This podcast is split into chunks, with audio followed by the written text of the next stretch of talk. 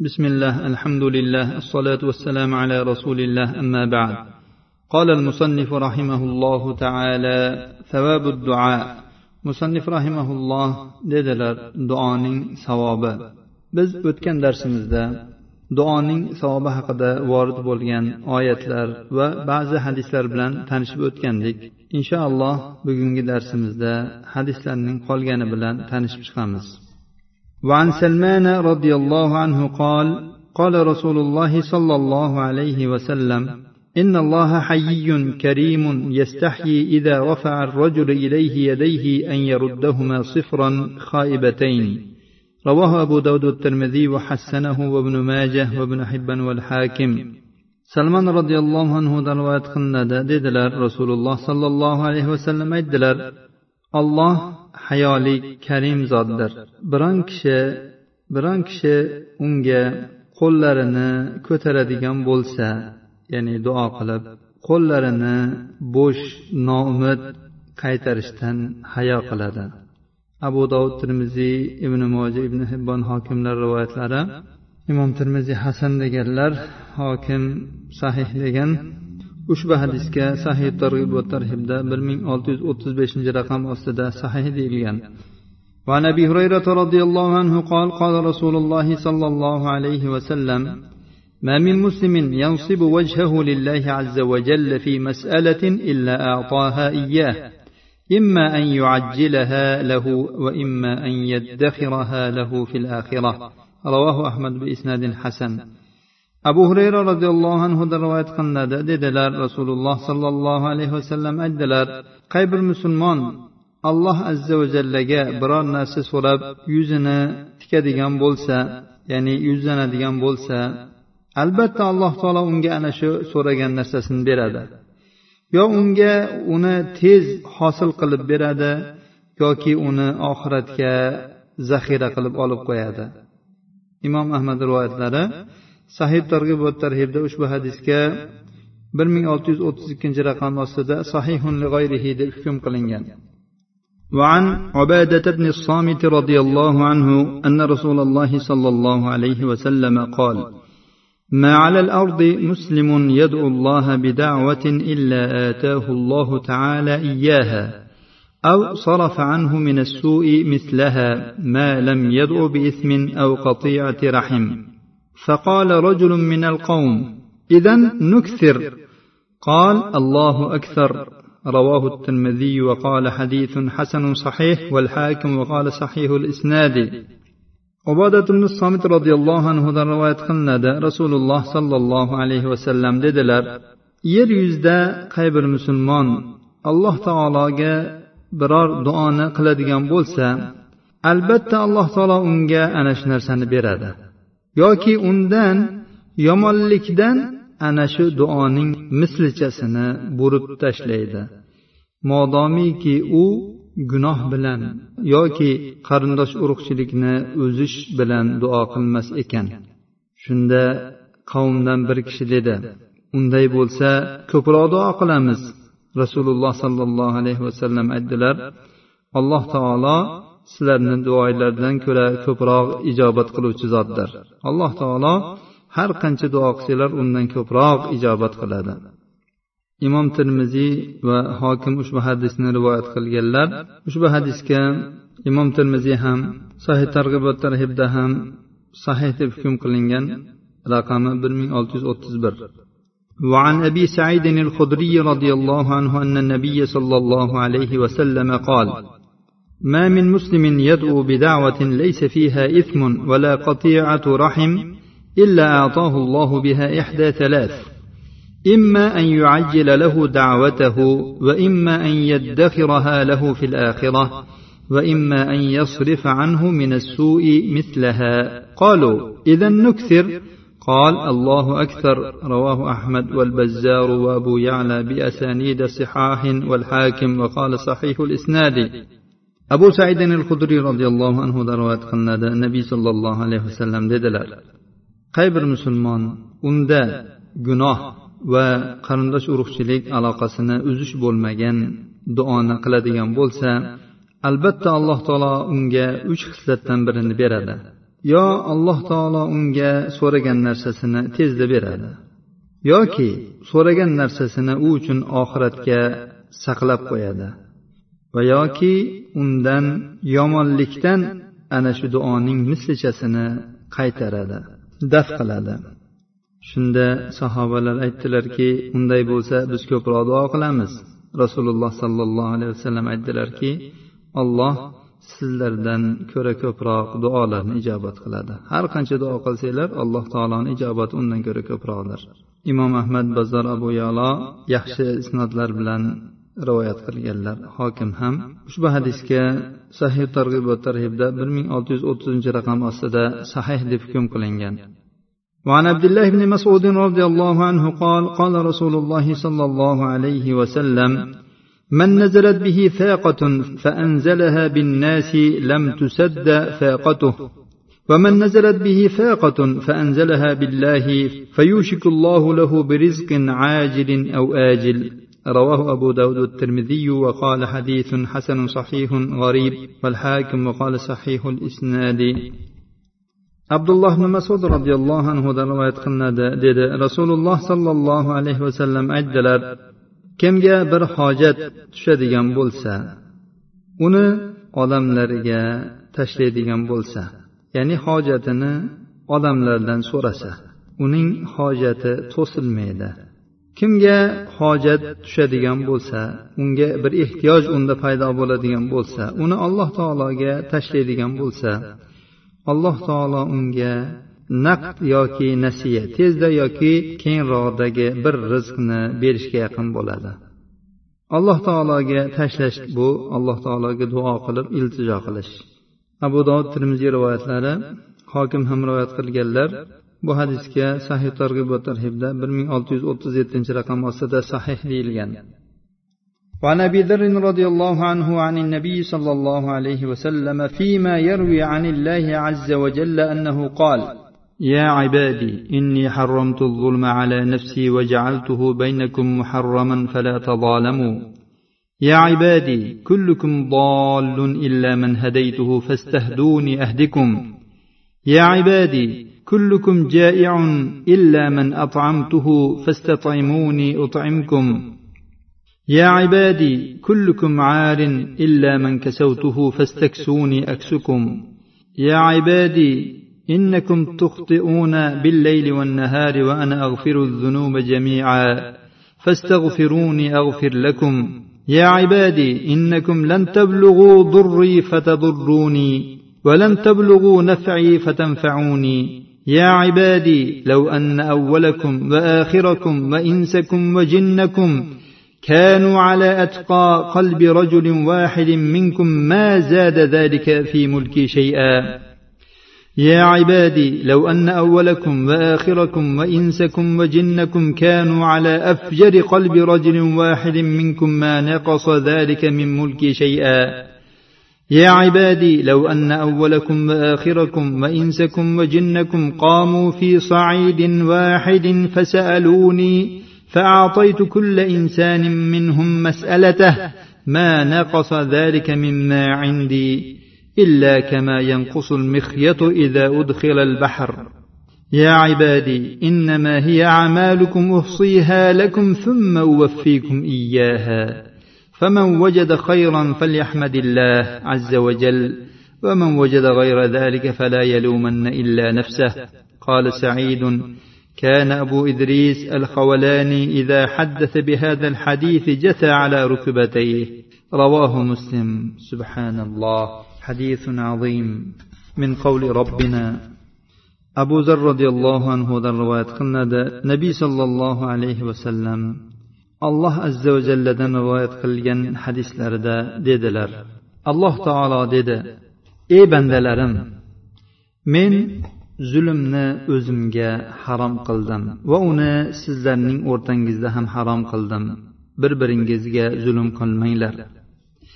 Ey bandalarim sizlarning har biringiz zalolatdasizlar. Faqat men uni hidoyat qilgan bandagina hidoyatdadir. Mendan hidoyat so'ranglar sizlarni hidoyatlayman. Ey bandalarim sizlarning har biringiz ochdir. Faqat men uni taomlantirgan bundan mustasno. Mendan taom so'ranglar sizlarga taom beraman sizlarni taomlantiraman. Ey bandalarim sizlarning har biringiz yalang'ochdir. Faqat men unga kiyim berganim bundan mustasno. Mendan kiydirishimni so'ranglar sizlarga kiydiraman. Ey bandalarim sizlar kechayu kunduz xato qilasizlar. Men esa gunohlarning hammasini kechiraman. Mendan mag'firat so'ranglar sizlarni mag'firat qilaman. Ey bandalarim sizlar menga zarar berishga yetolmaysizlar. Toki menga zarar bersangizlar va sizlar menga foyda berishga ham yetisholmaysizlar. Toki menga foyda bersangizlar. Ey bandalarim agar sizlarning avvalingizu oxiringiz insu jiningiz sizlardan bitta eng taqvoli kishining qalbida bo'ladigan bo'lsangizlar bu narsa mening mulkimda biror narsani ziyoda qilmaydi. Ya'ni hammalaringiz eng taqvoli kishini shaklida bo'lsangiz. Ey bandalarim agar sizlarning avvalingizu oxiringiz insu jiningiz sizlardan bo'lgan eng fojir bir kishining qalbida ya'ni shaklida bo'ladigan bo'lsangizlar bu narsa mening mulkimdan biror narsani kamaytirmaydi. Ey bandalarim agar sizlarning avvalingizu oxiringiz insu jiningiz bir kenglik maydonda tursalar va mendan o'z hojatlarini so'rasalar men ulardan har bir insonga so'ragan narsasini bersam bu narsa mening huzurimdagi narsadan faqat dengizga ignani kirgizilgan paytda qancha narsani kamaytiradigan bo'lsa shunchagina kamaytiradi xolos. Ey bandalarim bu sizlarning amallaringiz. Ularni men hisoblab so'ngra sizlarga uning ajrini to'la qilib beraman. Kim yaxshilikni topadigan bo'lsa alloh azza va jallaga hamd aytsin. Kim undan boshqasini topadigan bo'lsa faqat o'zini malomat qilsin. Said aytadilarki abu idrisin al havoloniy bu hadisni rivoyat qilgan paytlarida ikki tizzalariga yiqilib qolardilar. Imom muslim rivoyatlari koshki vaqtimiz kifoya qilganda va darsimiz shu yo'sinda bo'lsa edi ushbu hadisni keng sharhlagan bo'lardik bu hadis haqiqatda taammul va tadabbur qilishga loyiq hadis alloh azza va jallaning so'zlari sahih hadis sababu man daa bihada duo ushbu duoni qilgan odamning savobi عن سعد بن ابي وقاص رضي الله عنه قال قال رسول الله صلى الله عليه وسلم دعوة ذي النون إذا دعا وهو في بطن الحوت. لا إله إلا أنت سبحانك إني كنت من الظالمين. فإنه لم يدع بها رجل مسلم في شيء قط إلا استجاب له. رواه الترمذي والنسائي والحاكم وقال صحيح الإسناد. sad ibn abi vaqqos roziyallohu anhudan rivoyat qilinadi dedilar rasululloh sollallohu alayhi vasallam aytdilar zinnun yunus alayhissalomning kit qornida bo'lgan paytlarida qilgan duolari la ilaha illa anta subhanaka inni kuntu minal zolimin. Ya'ni sendan o'zga barhaq iloh bo'lmagan zot seni barcha aybu nuqsonlardan poklayman. Men o'z joniga zulm qiluvchilardan bo'ldim. Qaysi bir musulmon odam qay bir ishi bo'lmasin unga yetgan qiyinchilik holatida ushbu duoni duo qiladigan bo'lsa albatta uning duosi ijobat bo'ladi. imom termiziy nasoiy hokim rivoyatlari ushbu hadisga sahih targ'ib va tarhibda bir ming olti yuz qirq to'rtinchi raqam ostida sahih deyilgan وعن بريدة رضي الله عنه أن رسول الله صلى الله عليه وسلم سمع رجلا يقول اللهم إني أسألك بأني أشهد أنك أنت الله لا إله إلا أنت الأحد الصمد الذي لم يلد ولم يولد ولم يكن له كفوا أحد فقال لقد سألت الله بالاسم الذي إذا سئل به أعطى وإذا دعي به أجاب. رواه أبو داود والترمذي وحسنه وابن ماجه وابن حبا والحاكم وقال صحيح على شرط البخاري ومسلم. بريدة رضي الله عنه رواية قلنا دا رسول الله صلى الله عليه وسلم. بركشنا ما نشن ديات كان لقنا اشتقال للار. يا الله من سنين أحد الصمد تغمجان وتغلمجان va u uchun biror bir tengdosh misl bo'lmagan undan o'zga iloh bo'lmagan olloh ekaningga guvohlik berishim bilan so'rayman. Shunda rasululloh sollallohu alayhi vasallam aytdilarki sen alloh taolodan u bilan duo qilinsa ijobat qiladigan u bilan so'ralsa beradigan ismi bilan so'rading.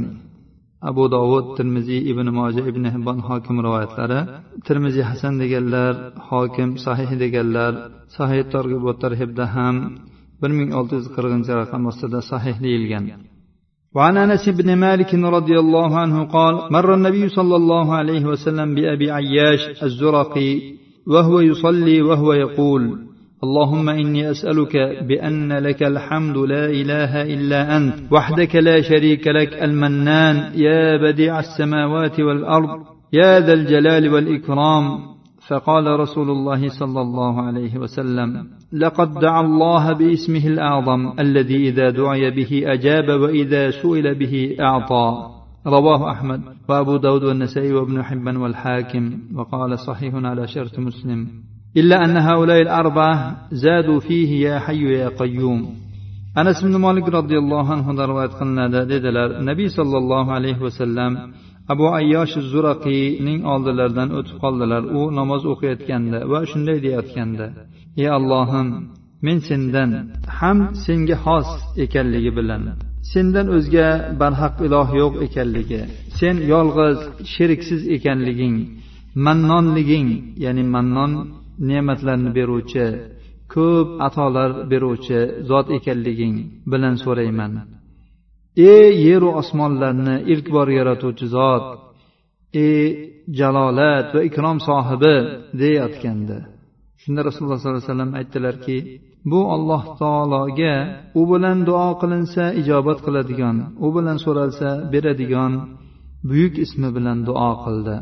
imom ahmad abu dovud nisoiy ibn hibbon hokimlar rivoyat qilishgan imom ahmaddan boshqalar ushbu duoga ya hayyu ya qayyumni ham qo'shganlar ularni rivoyatda ya hayyu ya qayyum ham bor ey tirik zot ey qayyum butun koinotni boshqarib turuvchi doimiy uyg'oq zot سباب من دعا لأخيه بظهر الغيب musannif rahimaulloh dedilar birodarning haqqiga g'oyibona duo qilgan kishining savobi.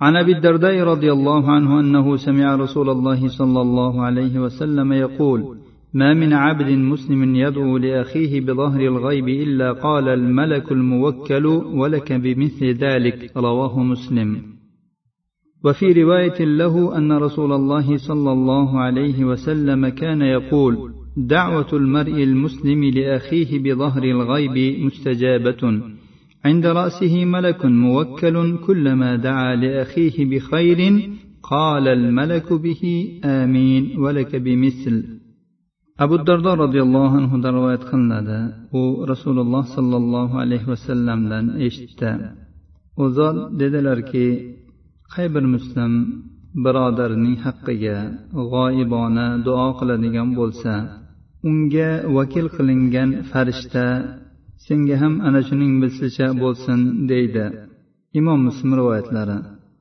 Yana bir rivoyatlarida kelganki rasululloh sollallohu alayhi vasallam aytardilar musulmon kishining birodari uchun g'oyibona qilgan duosi ijobatdir. Uning boshida bir vakil qilingan muvakkal farishta turadi.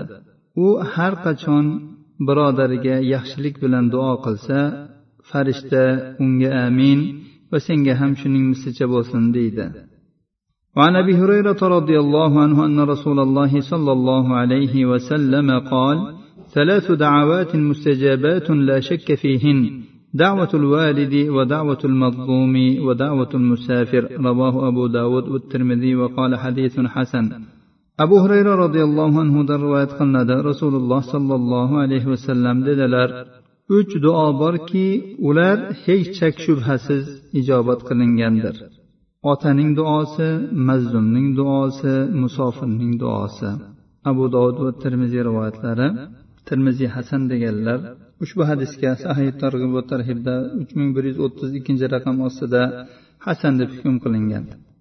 Alloh subhanahu va taolodan ushbu buyuk ismi bilan biz ham so'raymiz. Alloh barchalarimizni mushkulotlarimizni yengil qilsin dunyo va oxiratda barchalarimizga ofiyat bersin dunyo va oxiratda barchalarimizga yaxshiliklarni ato etsin هذا وصلى الله على نبينا محمد وعلى اله وصحبه وسلم